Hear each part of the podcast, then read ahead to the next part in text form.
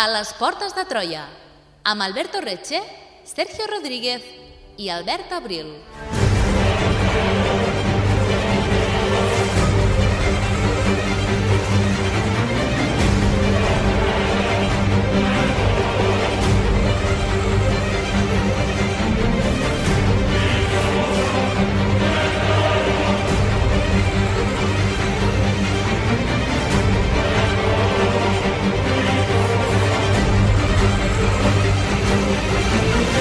Els segles de l'edat moderna són ben coneguts per les expedicions geogràfiques, el colonialisme, les primeres guerres gairebé globals.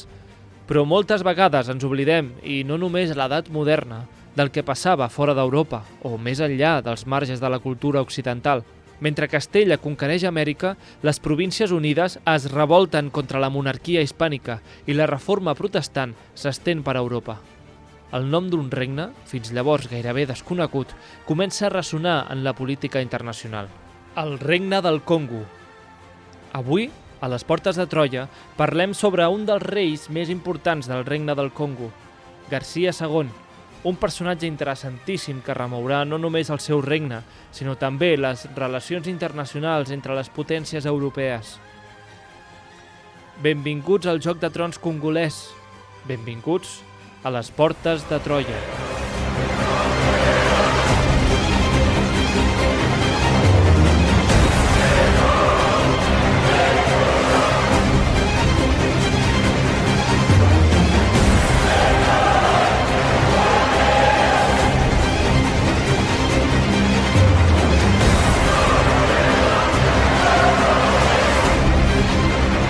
Benvinguts, benvingudes una setmana més a les Portes de Troia, el programa de ràdio d'història de la xarxa de comunicació local des dels estudis de Ràdio Castellar.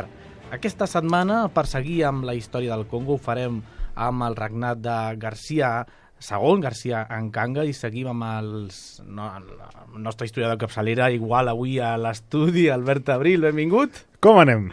I avui ens acompanya, ens torna a acompanyar el Guillem Martos, ell és doctorant a la Universitat de Barcelona i dedica la tesi al, al regne del Congo la segona meitat del segle XVII i està investigant, però també eh, doncs vetlla per la divulgació i per això està aquí avui amb nosaltres a les Portes de Troia.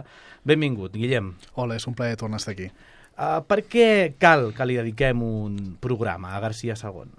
Bé, Garcia II és un d'aquests personatges de la història que no saps ben bé com apareixen, però que acaba fent de les seves. És a dir, és un personatge que es neix en un període d'inestabilitat, ell mateix va creixent en aquest moment i acaba sent un dels reis més longeus del Congo, no només això, sinó un autèntic mal de cap pels propis europeus, no només pels portuguesos, sinó també fins i tot per la pròpia Església o fins i tot també pels seus, pels seus contemporanis africans.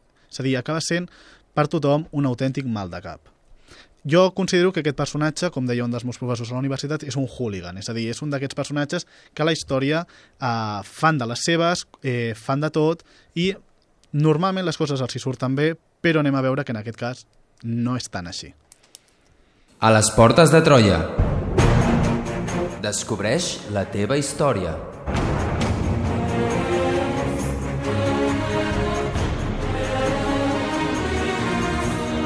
Troba'ns a facebook.com barra Portes de Troia i a Twitter arroba Portes de Troia.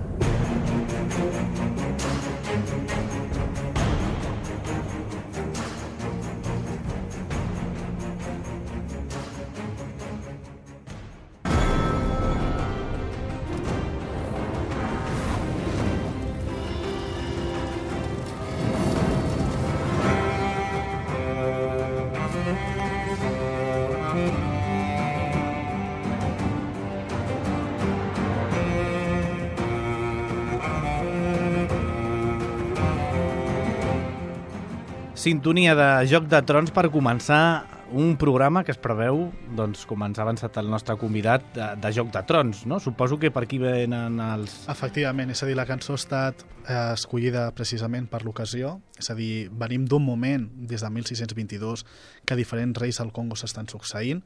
Garcia II arriba al Congo, aconseguirà que el seu fill el succeeixi només durant 5 anys i després tornarem un altre cop a partir de 1665 fins al segle XVIII novament un període d'inestabilitat que sembla ser fins i tot que el Congo podria haver-se eh, podria haver desaparegut. Clar, no, no ens oblidem que venim d'un període de reiatons, de, de res, de, de nens, de joves de 17, 18, 20 anys, governant durant dos, tres anys. Um, llavors, per començar aquest programa i per uh, tots aquells oients no, que no escoltessin l'últim o que ja fa, uh, que fes temps que no l'hagin escoltat o que tinguin les coses poc fresques, ens podries fer una miqueta de 5 cèntims de què era el Regne del Congo, una miqueta del que vam parlar l'últim dia. El Regne del Congo és un estat centreafricà que apareix durant la segona meitat del segle XIII o XIV, no estem segurs per donar els fons que tenim, i que permane eh, segueix sent independent fins 1914. Entra en contacte amb els portuguesos a partir de 1483 i a partir de 1622 s'inicia tot un període d'inestabilitat política en el qual diferents reis es comencen a succeir. Molts d'aquests reis governen entre 4 a 5 anys i fins i tot al 1635 s'arriben a tornar tres reis mateixos no només això, sinó que per més Inri, sí. aquests reis es diuen igual. És a dir, tenim Álvaro IV, Álvaro V i Álvaro VI, germà de García II. Només falta Borja IV, Borja V, Borja VI, serien ja no, tots madrilenys ja és el xiste que s'ha de fer. Vale, com ens podem endavant, apropar... Endavant. Com ens podem... Sap greu, però crec que no hi arribant. Com ens podem apropar a aquest període que, que ja ens vas, ens vas comentar l'últim programa que malauradament no en sabem gaire. Clar, bueno, ja vam comentar com ens podíem apropar des d'una vessant més divulgativa, des de, bé, des de qualsevol persona que vulgui donar les primeres passes, però ara adreçant-me principalment a tota aquella gent que es vol dedicar a la investigació, que està a la carrera d'història o a qualsevol altra carrera, o, o ni això, és a dir, que, que es vol adentrar una miqueta més. El que malauradament és imprescindible és saber llengües, és a dir, uh, és cert que hi ha moltíssima producció... Doncs vinga, adeu! ja està. si hem de saber llengües... Malament anem. Adeu! Vinga, ja doncs hi ha molta producció en anglès, és a dir, els principals historiadors són nord-americans, però si volem adentrar-nos a les fonts primàries, és a dir, aquelles fonts fetes en el moment del que avui mateix parlarem, doncs hem de començar primer a saber portuguès, també fins i tot caldrà saber italià i neerlandès. És obvi, jo no parlo ni italià ni neerlandès, és a dir, jo parlo portuguès, parlo una mica de francès, i amb això més o menys de moment em vaig apanyant. Però eh, són més o menys totes les fonts que anem trobant. Hi ha fins i tot algunes en castellà, però no estan, bueno, no està en manuscrit, és a dir, tot és manuscrit, és a dir, no està en impremta, tot i que hi ha un llibre a Google Books, que és de Josep Pellicer, que sí que explica un dels temes que parlarem avui, que és la missió dels caputxins, doncs explica els dos primers anys de la missió. Hi ha alguna sèrie, alguna pel·lícula que ens vulguis recomanar? Sí, de fet, el període que avui tractarem és un període que ha estat molt estudiat, especialment no per García II, sinó per una altra reina contemporània a ell, d'una altra reina que es deia el reina Matamba, que era la reina Ginga. La reina Ginga és un exponent actualment de l'anticolonialisme africà, però també és un exponent del feminisme africà. Uh, llavors, aquesta dona se li han fet diferent, té diferents articles, té fins i tot algun llibre que està, es troba en anglès, fet per Linda Haywood, i per la gent que no li agradi tant llegir i que disfruti, bueno, i que per exemple aquest diumenge doncs, vulgui veure alguna sèrie, a Netflix hi ha un documental que es diu La reina Ginga, uh, N-J-I-N-G-A, que tracta la seva vida. Tanmateix, com que en aquest aquesta minissèrie de Netflix no parlen de García II, doncs nosaltres avui la marginarem una mica eh, no és per res, però eh, nosaltres hem de donar un cert protagonisme a aquest home. El senyor García II. Molt bé, doncs ens plantem, com ens has dit ja, cap a la dècada de 1640 fins a 1660. Ja ho vam poder anar comprovant, eh, comprovant amb l'altre programa, però sembla que el Congo tindrà el seu propi seient en el joc internacional, oi?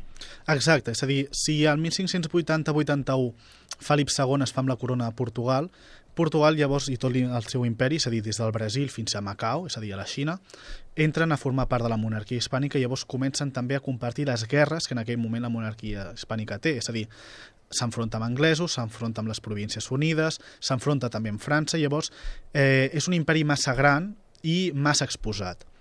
Llavors, ens trobem que en tot aquest període que avui parlarem, doncs primer ens hem d'adreçar una mica al que és la història mundial. És a dir, perquè el Congo, repetim, ja ho vam, dir, ja ho vam avançar al programa anterior, no està sol, és a dir, no està marginat dins de la història del moment. Llavors, el que ens trobem, per exemple, a la dècada de 1640, com tots els catalans i catalanes coneixerem, és la revolta dels segadors. Però aquesta revolta no és l'única. És a dir, sabem el, l'1 de desembre d'aquell mateix any, de 1640, un grup de penjats, podríem arribar a dir, de nobles penjats, que la de, la, la de treballar no se la sabien, eh, irrompen al Palau de Lisboa i declaren a Joan de Bragança, principal noble de Portugal, com a nou rei. És més, Joan de Bragança tardarà uns dies a acceptar-ho i a partir d'aquell moment tots els territoris portuguesos comencen a sumar-s'hi. S'ha de recordar també que vivim en un món, al 1640, on no hi ha telèfon i les notícies tarden en arribar. Llavors, per exemple, la notícia de que Portugal s'ha independitzat de la monarquia hispànica tarda uns bastants mesos o fins i tot un any en arribar a certes parts de l'imperi portuguès. Llavors, el que ens trobem en aquest moment, entre 1640 i 1660, que és quan governa Garcia I, segon, perdó, és una situació en la que la monarquia hispànica està a punt de desaparèixer. És a dir, tenim, d'una banda, el 1640, la, eh, la revolta dels segadors i la independència portuguesa, però alhora també s'hi sumen al 1647 la, una revolta a Nàpols i una revolta a Sicília. No només això, sinó que també sabem que a la zona d'Andalusia, a Navarra i Aragó hi ha certes conspiracions nobiliàries també possiblement per independitzar aquests territoris. A més a més, li hem de sumar la guerra amb França, li hem de sumar la guerra amb les Províncies Unides, tota la guerra dels 80 anys, que és amb les Províncies Unides, per exemple, i la guerra dels 30 anys, que està succeint al mateix cor d'Europa, on les potències europees s'estan desagnant. I, I, de fet, precisament el 1640 ja s'està arribant com a la fase final no?, de la Guerra dels 30 anys, en què cada cop la monarquia hispànica s'arrossega i s'arrossega i s'arrossega arran d'aquests problemes interns que ens anat comentant i sobretot per un gran canvi d'equilibris entre les diferents potències europees. Um, ja sabem tots no?, que el segle XVII és un gran segle de descomposició o de pèrdua de poder per part de la monarquia hispànica. Um, després d'haver-nos posat en aquest context uh, internacional i sobretot des, després d'haver situat uh, el regne de, del Congo, que, que de fet a l'últim programa ja ho vam poder, poder anar veient, no? Hi ha un moment, arriben els portuguesos, però és que llavors arriben els neerlandesos, que recordem que en aquell moment són enemics dels portuguesos perquè estan posats en la guerra dels 30 anys i com que Portugal formava part de la monarquia hispànica, doncs els neerlandesos ja els interessa atacar el, el Congo, però Uh, després de fer, tanquem una miqueta no? tot aquest batibull uh, occidental i centrem-nos en el nostre protagonista d'avui. Qui era Garcia II? Molt bé, Garcia II eh, és, una, és un personatge de la noblesa congolesa, és a dir, la seva mare, que es deia Luqueni, sabem que era eh, cosina germana de l'antic rei Pere II, és a dir, que havia governat entre 1624 i 16, perdó, 1622 i 1624, que ja ho vam comentar al programa passat, i com a membre d'una branca secundària d'aquesta reialesa i d'aquesta noblesa, és molt probable que hagués crescut a Sant Salvador. No només això, sinó que és possible, segurament va néixer durant la primera meitat del segle XVII i jo m'atreviria a dir fins i tot entre 1615 i 1620 per les, eh, bueno, per les informacions que jo he anat trobant al llarg de la meva investigació. Llavors, eh, aquest noble segurament hauria estat educat pels jesuïtes, qui tornen, qui arriben al Congo el 1619 i creen allà una escola, és a dir, a les escoles de l'Església eren educades eh, principalment totes aquelles persones eh, descendents de l'elit congolesa.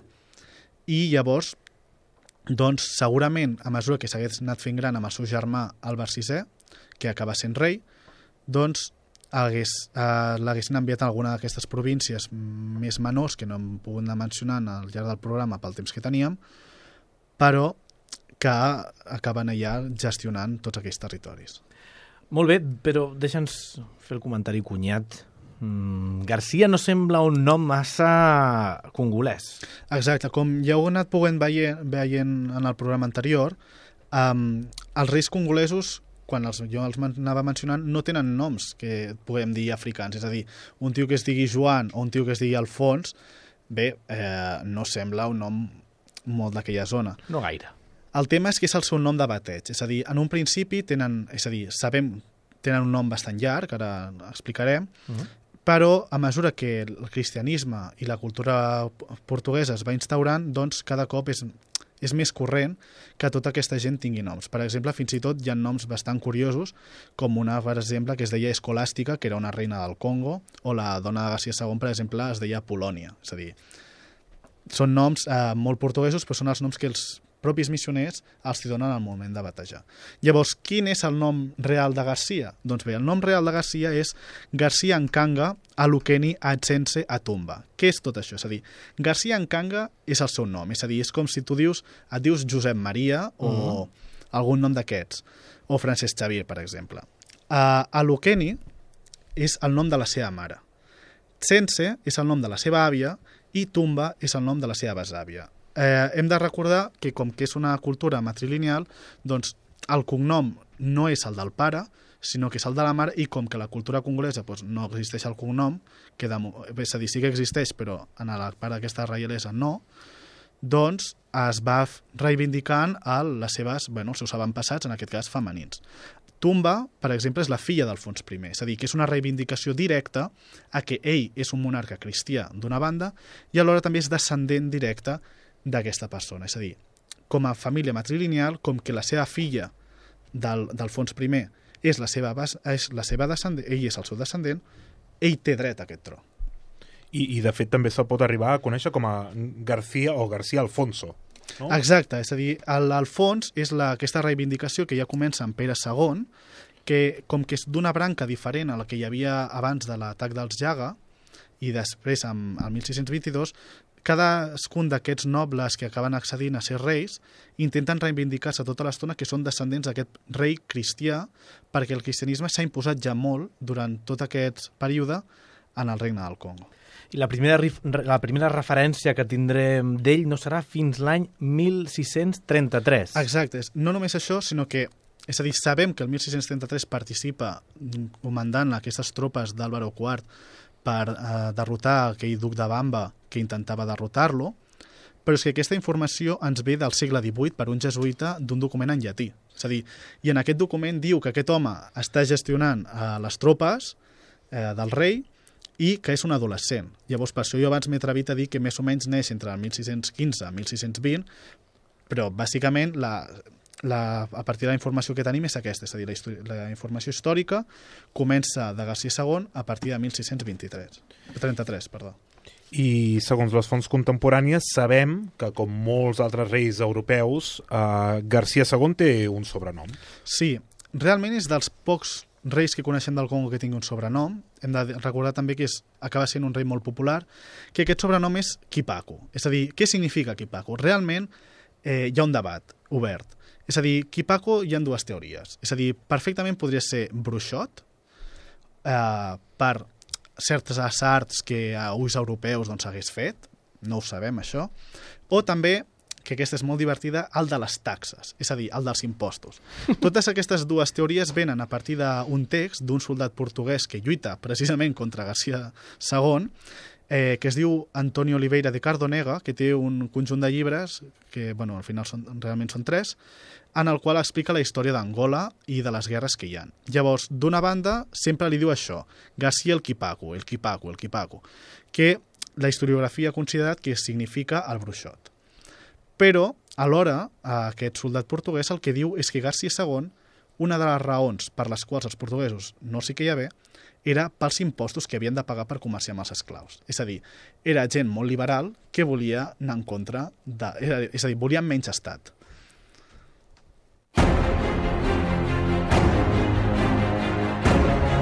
Segueix-nos a facebook.com barra Portes de Troia o a Twitter arroba Portes de Troia. Descarrega't el podcast des d'iBooks o iTunes.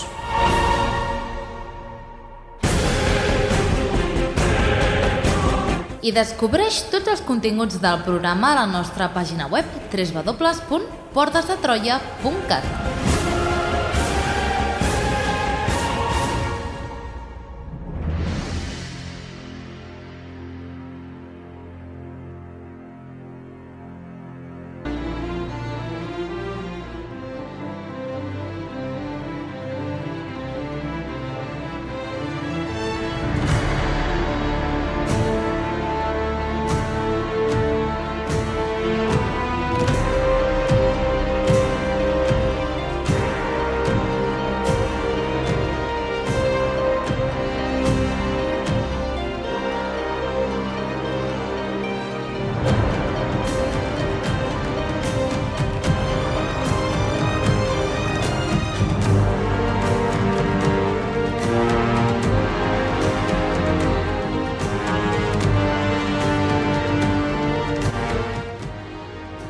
Molt bé, seguim eh, estudiant la figura de Garcia en Kanga, Garcia II, amb Guillem Martos, i estàvem escoltant la cançó d'un videojoc, Dragon Age, que al nostre convidat li agrada i que a més a més serveix per parlar de l'arribada al poder de Garcia. Efectivament, aquesta cançó es diu La Inquisició marxa, és a dir, és un moment del joc de Dragon Age Inquisition on, bé, els protagonistes i nosaltres mateixos eh, com a personatge principal eh, marxen cap a la guerra. Llavors, eh, he trobat que és imprescindible aquesta cançó per eh, entrar-nos a com Garcia arriba al poder. És a dir, abans ja havíem avançat que Álvaro VI, el germà de Garcia, en un moment donat, ell arriba al govern. És a dir, Álvaro VI arriba al govern al 1635, després de derrotar Álvaro V, el qual també havia acabat amb Álvaro IV. És que és fantàstic. és l'Àlvaro VI que derrota el, el cinquè que, derrota, que però, el cinquè havia però, derrotat a més a quart. més, tot en el mateix any. És a dir, que és bastant curiós. Llavors, Álvaro VI governa entre 1635-36 fins 1640-41. Llavors, al 1640, a inicis de 1641 es mor, Uh, hi ha autors que diuen que mor per enverinament, hi ha altres que diuen que mor per alguna malaltia. Mm, Tampoc sabem la seva edat, llavors podria ser tenir bastants anys més que García II, perquè recordem, al ser una societat polígama, doncs no tenen fins i tot que perfectament podrien ser germanastres o germans de diferents mares o pares, fins i tot em podria arribar a, a dir. Llavors, García II com arriba al poder? És molt bona pregunta perquè García II en aquell moment és duc de Bamba, és a dir, del principal, és el principal senyor de l'exèrcit del Congo, i li arriba la notícia per part d'un senyor que es diu Simão de Madeiros, que és eh, germà dels canonges de la catedral del Congo, i li diu que el seu germà ha mort. Llavors, ell ràpidament, abans de que tot el sistema successori es posi en marxa, agafa el seu exèrcit i es planta davant de la capital i diu, eh, jo aquí sóc el rei, a tothom el fa, bueno, es fa jurar, tot i que realment no tenim massa informació de com passa aquest moment, llavors ja el tenim a inicis de 1641, segurament al febrer, ja assentat com a nou rei del Congo. um, perquè les successions del Congo, com moltes altres successions, portaven problemes, no? Um, va ser suficientment ràpid, Garcia? Garcia creiem que sí que va ser suficientment ràpid, però com que ens falten fons, ho desconeixem. És cert que una dècada després les coses se li començaran a complicar amb el tema de successió, però això els fa pensar que possiblement els competidors seus eren o molt joves o no comptaven amb la força suficient en aquells moments. I la seva relació amb els portuguesos veïns? La seva relació amb els portuguesos és fatal. És a dir, recordem que era duc de Bamba, és a dir, ja vam dir en l'episodi anterior que el ducat de Bamba faria frontera amb Angola. Llavors, com a qualsevol territori de frontera durant l'època moderna, és una zona conflictiva. És a dir, per exemple, eh, la, la principal frontera és un riu, bueno, és una zona que es diu la zona dels Dembos, però el riu principal es diu Bengo, és a dir, no de venir, eh, sinó que es diu així per la cultura que hi havia.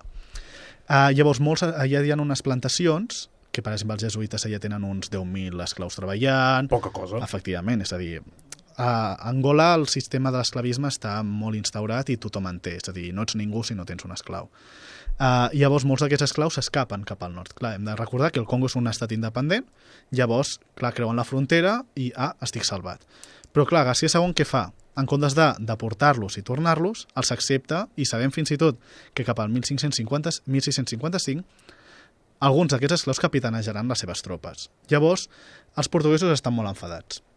Llavors, quan arriba el govern, sum, eh, sumant aquest, bueno, això dels esclaus i sumant el que havíem dit abans de que era posar impostos molt cars, Pels clar, esclaus. no? efectivament, eh, doncs llavors Hump farà que el governador d'aquell moment d'Angola, Pedro César de Meneses, comenci a planejar de posar-lo.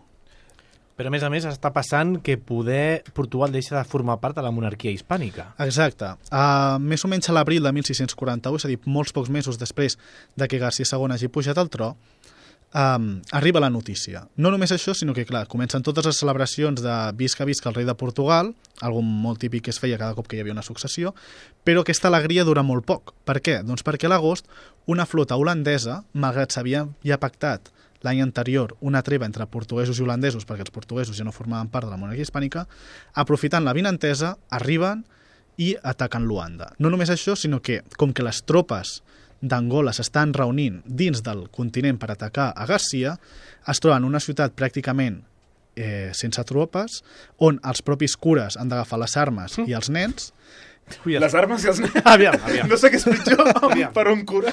Torna a explicar-ho això. Sí, sí, els nens Molt, molt a poc a poc. agafen les Perdó, armes perdó. i també Tant les els- agafen els nens. Exacte, exacte. Tant els nens com els cures han d'agafar les armes per poder defensar. Què passa? Que la defensa és un fracàs i poques hores després, quan es posa el sol, el governador decideix abandonar la ciutat a la seva sort. I tot el màxim de gent possible, que fins i tot trobem un català que es deia Diego Sánchez Choroso, han d'abandonar aquesta ciutat i se'n van a refugiar primer al riu Bengo i posteriorment es refugiaran a una ciutat que es diu Massangano.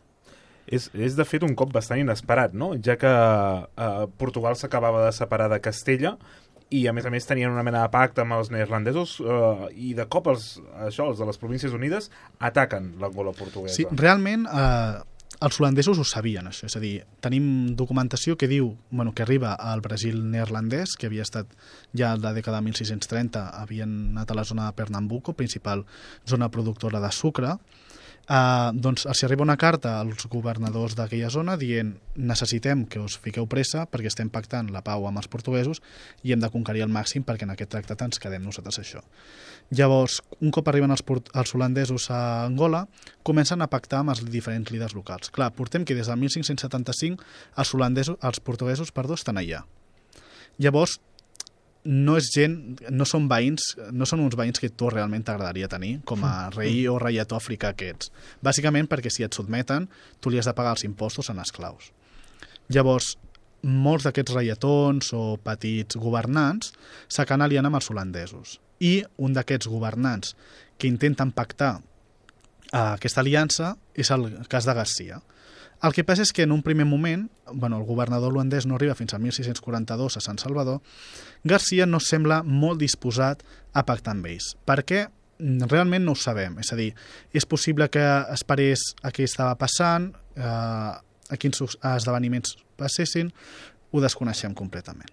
Però sí que és cert que en un moment que quan arriba a l'ambaixador de les Províncies Unides, que es diu eh, Hendrik Oman, aquest home li entrega una carta i a partir d'aquesta carta tot canvia. Aviam, aquesta carta que m'ensumo que sabem el seu contingut. Clar, abans havíem adelantat que, que el governador d'Angola estava començant a reunir aquestes tropes portugueses dins del continent africà. Doncs justament aquesta carta és una carta interceptada per les forces holandeses, que era una carta del governador que s'adreçava al bisbe del Congo i d'Angola, és a dir, era tota una diòcesi junta, a la qual li està dient que les tropes més o menys estan totes llistes per començar l'atac. Clar, Garcia, en aquell moment, la reacció que devia tenir va ser, vamos, enfurismar-se, eh, però bueno, és que no podríem saber realment lo enfadat que hauria estar. Llavors es declara la guerra. Què passa?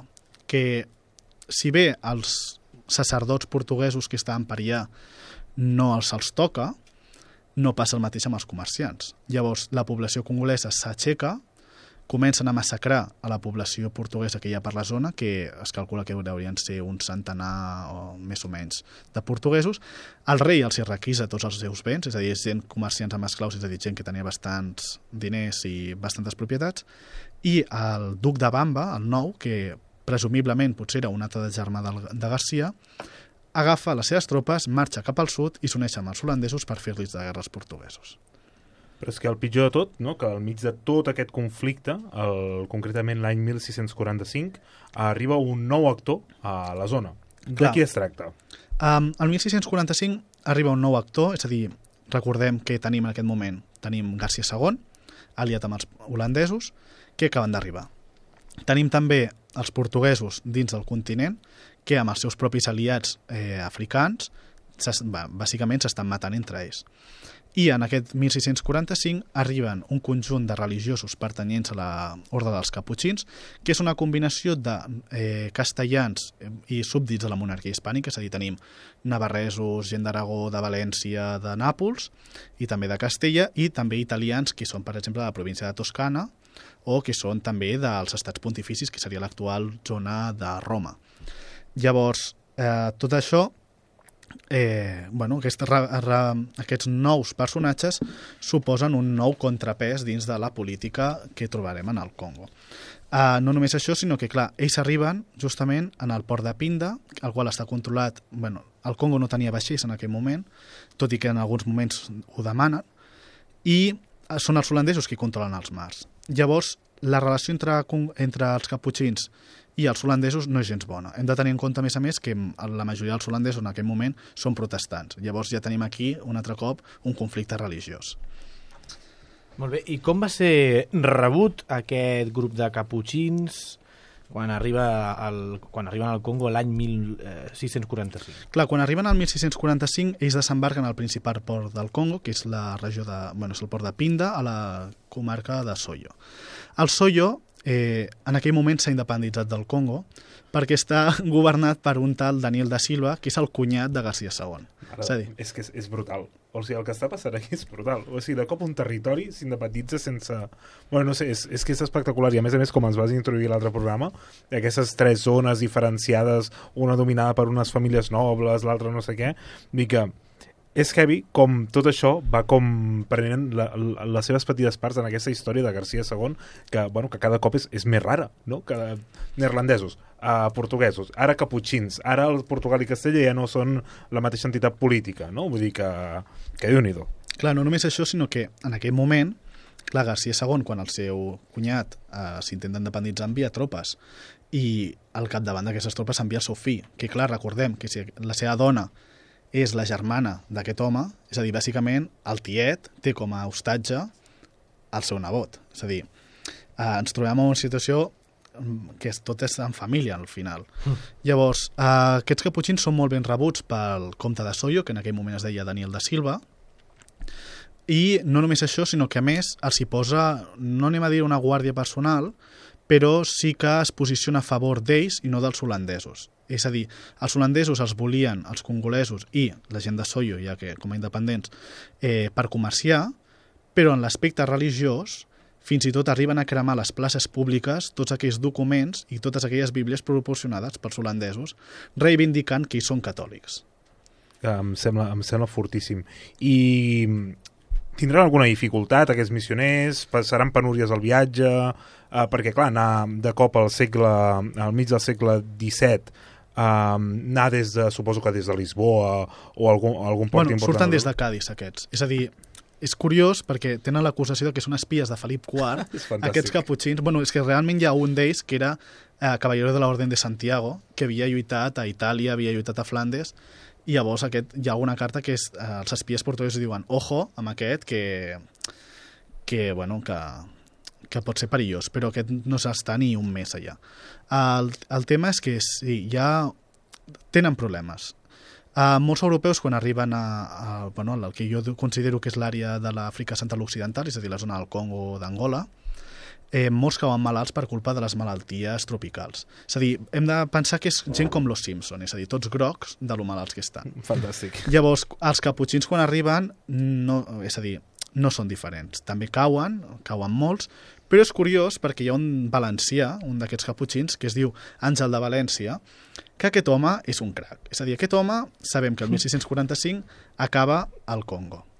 No només això, sinó que el 1646 García II l'envia com a ambaixador a Roma i a Madrid. Però el seu trajecte va eh, surt del Congo, allibera el fill de Garcia de mans dels tie, del, bueno, del seu cunyat, se'n torna, el tornen a casa, se'n van a Luanda, pacten amb els holandesos, són enviats al Brasil, del Brasil arriben a Amsterdam, on pacten amb la, on, bueno, parlen amb les Províncies Unides, pactar pacten poc perquè els diuen que no, que el que demanen no pot ser, se'n van a Roma i un cop són a Roma, el tio se'n va a Madrid, a Madrid li diuen, bueno, tu ara no en tornaràs al Congo, sinó que te'n vas a un altre lloc d'Àfrica, i se'n va al 1651 al Benin, a l'actual Nigèria. No només això, sinó que a Nigèria no es posa malalt tampoc, mentre que la resta dels seus companys sí es moren, i aquest home sabem que mor plàcidament a un dels convents de València el 1660. Um, Déu-n'hi-do, aquest valencià. Aquest no li feia falta en temps de Covid, per exemple, no s'havia d'haver vacunat ni res de tot això. Què va? Molt bé, uh, com arribaren els missioners a la capital del Congo? Bé, el Congo eh, i la zona on ens trobem és una zona on no hi ha cavalls perquè hi ha, bueno, hi ha la mosca tsetse, que és la, bueno, que si et pica, doncs, els, per exemple, els cavalls doncs, es, es queden dormint, anem a dir-ho així, ja fins... Molt temps. Exacte, molt efectivament, temps. és a dir, no eternament, anem a dir-ho no? així. És a dir, fins al segle XIX no es poden introduir, és a dir, sí que hi ha cavalls, però fins al segle XIX no estaran allà ficats. Llavors, eh, han d'anar caminant. Van caminant, eh, van acompanyats, òbviament, pels, per algunes personalitats del Congo, i quan arriben a la, ciutat, a la capital és molt curiós perquè entren de nit. Els caputxins són mendicants, són gent que no volen, aquest, eh, no volen la pompa. Llavors intenten entrar de nit i que ningú els vegi. Això, clar, al final en una ciutat on viuen... Sant Salvador és una ciutat d'entre 30 i 60.000 persones, algú et veurà. Uh -huh. Eh, I és així. I no només això, sinó que el rei els està esperant a la casa d'un cura d'allà i, bueno, i s'han d'esperar el dia següent per poder fer tota la celebració, etc. Quan es fa el dia següent l'audiència pública on li entreguen les cartes dient nosaltres venim de Roma, eh, venim a evangelitzar, bueno, que ja ho estan, però per seguir, eh, clar, esclata tot d'una celebració monumental, és a dir, es fa... Bueno, clar, en aquells temps una celebració és fer una processó on molta gent de la ciutat va recorrent tots els camins. Celebració d'aquells temps, és així, sí. meravellós. Avui en dia es faria una rave, però antigament, doncs, una, bueno, una, una rave, processó. una rave en caputxins seria fantàstica. Que, de Ja- fet, no sé si va veure la, la trobada aquella multitudinària que es va fer a, Por a, a Portugal pel papa de Roma que ja anava. Sí, fa, ara les fa, jornades de la joventut. que hi havia un DJ um, que, era, que era, bueno, que era mossèn o era cura, alguna, alguna cosa, em va semblar uh, fascinant, la veritat. I s'ha fet relativament famós a les xarxes socials, si algú el vol seguir. No recordo el nom, però em va semblar fascinant. En fi, tenim els caputxins eh, plantats al, a la capital del regne del Congo i a què es dedicaran aquests personatges dels seus primers eh, anys? Entre 1645 i 1648, aquests caputxins el que es dedicaran principalment és a establir-se a la capital, a Sant Salvador, i també s'instal·len a la capital de Soyo, és a dir, Bansa Soyo. En aquests dos territoris el que comencen a edificar són unes, uns col·legis per educar a l'elit local i també fins i tot comencen a crear un diccionari entre castellà i quicongo, és a dir, la llengua local, perquè, eh, segons els testimonis que tenim d'aquesta mateixa gent, visquent allà, el més expert i la persona bueno, més estudiosa, anem a dir-ho així, tardava un any en aprendre a parlar aquella llengua. És a dir, que si tu, per exemple, eh, bueno, com a religiosos que eren, havien de confessar la gent, avui en dia no hi ha molta que es confessi, però la confessió eh, és un sacrament molt important, perquè, clar, tu expliques els teus pecats, i llavors havien d'utilitzar un intèrpret. Clar, què passa si hi ha una persona més ficada a la qual no és religiosa i llavors no té secret de sumari? Que aquesta persona normalment el que feia era fer xantatge a la persona qui feia la traducció perquè, clar, potser tenim li ha estat infidel a no sé qui, hem Sap matat a no sé qui. Efectivament.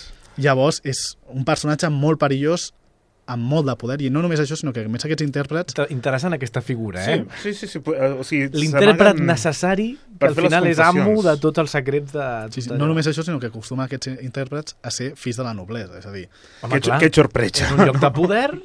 efectivament. Sí, sí. I alguna cosa més que vulguis destacar de Sí. l'obra dels Caputxins? Els caputxins creen una congregació, és a dir, que creen una congregació que es diu la del Sant Rosari, que el que comencen a fer, bueno, la divideixen entre la congregació d'homes i la de dones. Aquest, cada una d'elles està dirigida per algun personatge important, per exemple, sabem que la congregació de dones està dirigida per una de les germanes de Garcia II, que es deia Isabel, i la congregació d'homes doncs, va canviant depenent també de la política. Aquesta congregació, a més a més, es va extenent per tot el territori congolès i el que permet és, doncs, d'una banda, que gent de diferents classes socials eh, entrin allà, però alhora també permet i començar a posar totes les reformes eh, bueno, religioses que els caputxins comencen a portar. I en aquest període eh, van arribar més caputxins en el Congo? Sí, al 1646 arriben uns nous caputxins, però aquests són detinguts pels holandesos i deportats al Brasil, i a partir de 1648 arriba una nova remesa. 1648 és una data molt important per l'arribada dels caputxins, ja que la, aquesta arribada de més membres permet que entre 1648 i 1650 els caputxins surtin de la capital del Congo i vagin a les províncies. El que es troben a les províncies és una cosa completament diferent a la que s'han trobat al Congo, a la capital. A la capital tothom va a missa, tothom es confessa, eh, és gent molt religiosa, segons ells. Però quan, a mesura que comencen a entrar als territoris, comencen a veure que aquesta gent ja no és tan religiosa. No només això, sinó que, clar, com que ja han començat a aprendre la llengua, comencen a entendre que, per exemple, la paraula batejar en la llengua local significa literalment posar sal a la boca. A la cultura Congo eh, hi, ha una, bueno, hi ha una cultura molt relacionada amb la bruixeria. Aquesta bruixeria, que es diu Kindoki, no és una bruixeria com nosaltres entendríem, sinó que, eh, tot i la traducció que ara faré molt vulgar, és com el mal d'ull. Entesos? Llavors, que et posin sal a la boca, eh, en aquella cultura el que significa és que et protegeixen d'aquest del Kindoki. I divertit és que la paraula excomunió, la traducció literal, és que ja pots ja et poden fer aquesta bruixeria. Llavors, quan algun caputxí o algun religiós excomunicava algun noble o així, alguns fins i tot es posaven a plorar pensant que ells hi podien ja fer un bruixeria. mal d'ull. Efectivament, sí, sí. Um, I- Sí, perdona. Bueno, llavors uh, comencem a veure com en aquestes províncies eh, es van descobrint eh, que realment no són tan religiosos, sinó que hi ha una espècie de sincretisme. És a dir, els congolesos adopten part de la religió cristiana catòlica i la uneixen amb la seva cultura animista local. I el que tenen són unes figures, uns fetitxes que es diuen en castellà, que són unes figures que algunes fins i tot arriben al metre, o per exemple a tots els pobles hi havia un arbre al mig de la plaça eh, molt ben decorat. Clar, els caputxins quan arriben allà al principi diuen oh, que maco, quin bon re, re, que bé que ens reben. Però quan porten els nens, que són els seus intèrprets, aquests es comencen a xivar. I comencen a dir, no, no, això no és un arbre, no, no és que te l'estiguin decorant aquí. No va per vosaltres. Exacte, és a dir, això és l'esperit del creador d'aquest poble. I no només, no només això, sinó que comencen a dir on guarda la gent aquestes figuretes, perquè, clar, quan arriben els caputxins, tothom surt a demanar que els bategin, clar, recordem, ells no volen ser objectiu d'aquesta bruixeria, i llavors amaguen totes aquelles peces perquè saben, clar, porten des del 1491 que van venint regularment religiosos, doncs amaguen aquestes figures. Però clar, els caputxins les van descobrint gràcies a aquests nens, les cremen i normalment ja no passa res perquè o van acompanyats per soldats o per la por que tenen cap a aquests propis religiosos, però el 1652 eh, o 55, ara no recordo molt bé, um, un religió, un caputxí belga, l'agafen i el maten a pals i García II com a eh, càstig agafa tota la gent del seu poble, bueno, d'aquell poble, i els diu, bueno, eh, heu fet això, doncs ara us aneu tots esclavitzats cap al Brasil.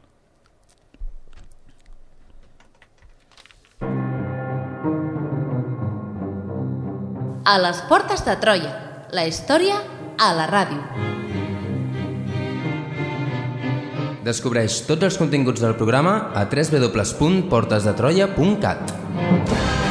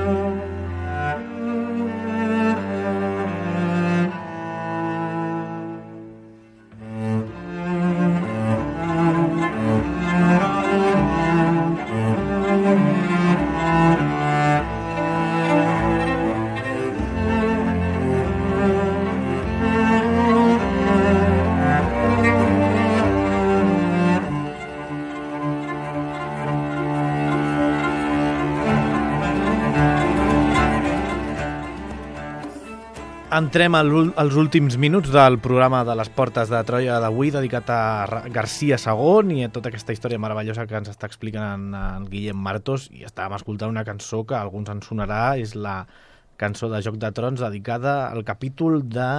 Uh, les bodes rojas. Això mateix. És la, les pluges de Castamir, o ah, alguna així. Ara mateix. Que I era si, com a... l'himne dels Lannister, perdó. Clar, si abans hem començat ja ficant la cançó de Joc de Trons i que això anava per aquí i ara introduïm el fet de que potser els portuguesos ja fa massa estona que no parlem d'ells, Guillem, és que això pinta malament? Exacte, és a dir, a partir de 1648 tornen els portuguesos. Una armada sortida des de Rio de Janeiro, encapçalada per el nou governador d'Angola, arriba a Luanda i fa fora els holandesos. Llavors, de cop i volta es troben els diferents monarques africans que estan aliats amb els holandesos sols. Aquest cas, per exemple, és el cas de Garcia II, el qual es veu obligat a enviar ambaixadors a la capital angolesa per pactar una pau no massa honrosa. Llavors, eh, aquesta pau, el governador d'Angola al principi la imposa molt dura, és a dir, fa pràcticament que el Congo perdi, bé, que García II es quedi sense gran part de les seves terres al sud, que hagi de pagar unes reparacions de guerra similars a, bueno, fent una, anava a deixar el Congo realment bastant malament a nivell econòmic com Alemanya després de la Primera Guerra Mundial. I llavors això alhora podia representar un problema, unes capitulacions tan, tan, tan dures pel Congo. I quin és el paper del rei de Portugal en, tot, en tots aquests tractats? Clar, el rei de Portugal, igual que el seu consell, el que decideixen quan veuen aquestes capitulacions que es signen a Luanda el 1649 és que són massa dures. No només això, sinó que, clar, hem de recordar, els holandesos s'han anat de moment, perquè segueixen estant al Brasil. A Portugal segueix en guerra encara amb la monarquia hispànica i no es signarà pau fins 1665. Llavors, què implica tot això? Implica que tenir un rei ressentit amb aquestes, bé, amb aquestes capitulacions podria comportar que mm, si ens donés un nou atac, el Congo es tornés a liar amb ells. Llavors la monarquia portuguesa encara és massa feble la nova, la nova dinastia, els Bragança, doncs es troba en un moment complicat, llavors no interessa tampoc unes capitulacions massa dures. És més, el Consell Ultramarí, és a dir, el principal òrgan assessor, el que acaba dient és que tenim molt més a guanyar concedint una pau benèvola que insistint en exigir la reparació de danys i pèrdues. Així i tot, hi ha unes, bueno, les mesures que acaba pagant García II eh, a nivell territorial i a nivell econòmic són bastant grans. És a dir, per, per exemple, l'illa de Luanda, principal zona productora de la moneda local, el Zimbu, per també alguns reietons de la, el que seria la frontera entre Angola i la província de Bamba, i, a més a més, bé, també fins i tot ha de portar un fill o un dels principals nobles com a hostatges a Luanda. Um, alguna cosa més que vulguis comentar de, um, o sigui, com reacciona Garcia II amb, aquest, amb aquests tractats amb el rei de Portugal um, tu Clar, mateix? eh, Garcia II quan es troba tot això li envien un ambaixador que és un jesuïta que es diu Antonio Ducouto que els jesuïtes havien participat a la guerra a favor dels portuguesos a Angola Llavors es troba aquest Ducouto quan arriba a Sant Salvador que han arribat els caputxins. És a dir, comença també una, un moment d'inestabilitat religiosa, entre un combat entre dues ordres religioses, jesuïtes i mendicants, que tenen moltes coses diferents. I no només això, sinó que al moment que arriba Ducouto, amb una carta signada el 1661 per Garcia, admet que en el moment que va arribar aquest ambaixador, ell havia perdut una filla. Eh, és un moment que per ell podria haver significat que havien de canviar les coses. I aquestes coses potser havien de canviar apartant els caputxins i canviant la política que havia desenvolupat. I, per tant, amb Garcia II dona la culpa als caputxins de tot plegat. Què passarà a partir d'ara? Exacte. Mica en mica la situació comença cada cop a ser més incòmode pels caputxins, cada cop se'ls aparta més, eh, comença a comprar les tesis dels jesuïtes de que els caputxins eren espies de Felip IV, comencen, bueno, els jesuïtes, per exemple, comencen a que controlant la, la Inquisició a Angola comencen a dir doncs, que les, bé, totes les pràctiques noves que havien introduït els caputxins eren herètiques i llavors els caputxins es comencen a queixar a Roma. No només això, sinó que cada cop Garcia és més a prop dels jesuïtes i està més apartat dels caputxins. I això ho veurem a partir de 1652, quan aquest trencament, si bé és cert que no és definitiu, serà molt significatiu. I, de fet, hi ha altres aspectes no?, que diferencien els jesuïtes i els caputxins, ara que estem posats a parlar sobre enfrontament. Exacte, és a dir, per exemple, eh, els, quan s'administren els sacraments, tipus batejos, etc, els caputxins no cobren per ell. És a dir, són, els semandicants eh, ho donen, no anem a dir-ho gratis, però sí que els hi donen alguna a canvi, per exemple, a vegades una gallina o alguna cosa així, però els jesuïtes, com que les províncies on havien d'estar s'havien d'autogestionar, sí que cobraven per aquests serveis. Llavors, el que veuen és una competició, podríem dir actualment, deslleial, i no només això, sinó que a més a més clar, tenen uns competidors en l'educació, perquè els jesuïtes també tenien el seu propi col·legi al Congo.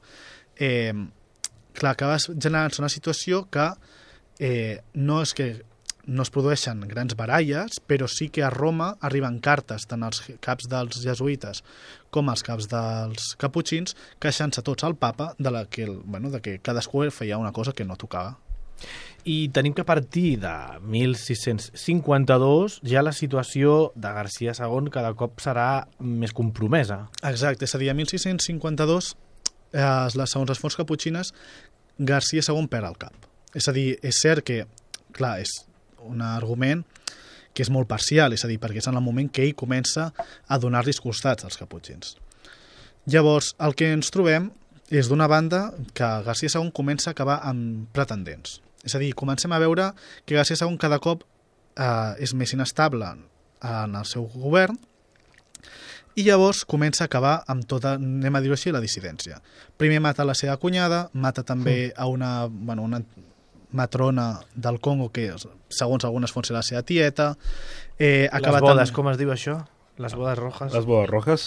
No només això, sinó que aquí en aquest moment apareixen dos nous pretendents hem de recordar en l'episodi anterior que hi havia Garcia I, que havia regnat, fill de Pere II, doncs aquest Garcia I tenia tres germans. Aquests tres germans, els més importants, són un que es deia Yátzar i un altre que es deia Álvaro. Um, un d'aquests vivia a la capital del Congo, llavors Garcia II el que li ofereix és la mà de la seva filla. Li diu, jo dono la meva filla, de la qual desconeixem el nom, desgraciadament, i a més a més et dono el ducat de Bamba. El que implica això alhora és que tu seràs el principal cap militar del Congo. I l'home diu que no. Diu, jo no necessito casar-me amb la teva filla per poder arribar a ser això, perquè jo, el meu germà i el meu pare eren reis. Llavors això fa enfurisme a Garcia. Tant que agafa la seva filla i la casa amb un súbdit que no sabem d'on apareix, que es deia Sebastià, i li diu, pues ara tu et cases amb ella i ets el duc de Bamba. I l'altre germà, Álvaro, té, sabem que governava Pem, la província de Pemba i, el ser, i agafa i li diu vale, pues tu casa, la teva filla, Álvaro, es casarà amb el meu primogènit, Alfons. I llavors aquests sí que es casen, però clar, oh sorpresa, a Garcia ja porta molts anys al govern en comparació amb els seus altres, amb els altres reis. I Alfons vol governar. Sembla que les coses comencen a... Bueno, abans ja començaven a posar-se xungues, no? I sembla que ens estem ja acostant al final del nostre estimat uh, Garcia II. Les coses no li estan anant bé, estan sortint conspiracions per tot arreu, ell s'està mostrant paranoic amb la seva cunyada, uh, nebots, uh, etc etc. Inclús casa una de les seves filles, no?, amb un total desconegut. Com, com acaba desencadenant tot Clar. això? Com serà la culminació d'aquest personatge? Tot això acaba desencadenant-se en què, d'una banda, eh, Garcia, el fill de Garcia, el primogènit, Alfons, s'alia amb els portuguesos per fer-lo fora, llavors Garcia li acaba tallant el cap al seu fill, primogènit, i nomena el seu segon fill, que es deia Antoni, eh, senyor de la província de Pango, que ja havíem parlat al primer programa, i diu, pues ara tu seràs el meu descendent. Uh, tot això s'acaba el 1661, quan Garcia II es mor. No sabem com es mor, però el, el seu següent fill, Antoni I serà el nou rei del Congo. No només això, sinó que aquest home regnarà fins 1665, on a la batalla d'Ambuila serà derrotat pels portuguesos, li tallaran el cap i s'iniciarà un nou període d'inestabilitat política que s'allargarà fins al segle XVIII. Respira, beu aigua, ja està, hem acabat. déu nhi eh? Aquest final és, és com un crescendo espectacular. Vull dir, li acaba tallant el cap al seu propi fill. Sí, sí. sí. Uh, en quin punt tens la tesi? Començant. Estic en el primer any i vaig fent a poc a poc. Ànims. Doncs, Merci. ànims, aquí ja saps que tens les portes obertes a venir al Troia sempre que vulguis, ja ens has explicat uh, un capítol de la història que per moltíssima gent, la gran majoria és super desconegut, començant per qui us parla, i per tant és interessantíssim que va, aquí ho vinguis a explicar i que moltíssima gent pugui com a mínim situar aquests noms i aquestes històries en un mapa. Moltíssimes gràcies, Guillem Martos, per venir aquí avui a les Portes de Troia ja saps, quan vulguis pots tornar. Moltíssimes gràcies a vosaltres. Albert Abril, com sempre, moltíssimes gràcies. Fins una altra. A tu, Sergio, no sé si aconseguiràs que algú et parli del, del préstec Juan. Jo ja, jo ja he tirat la tovallola. Ja vi que toca parlar portuguesos, doncs amb més rau que mai tirem la tovallola. A l'Adrià tira del control tècnic eh, amb les veus al Carlos Lecegui, qui us parla, Sergio Rodríguez, i nosaltres us esperem la pròxima setmana amb un nou episodi de Les Portes de Troia.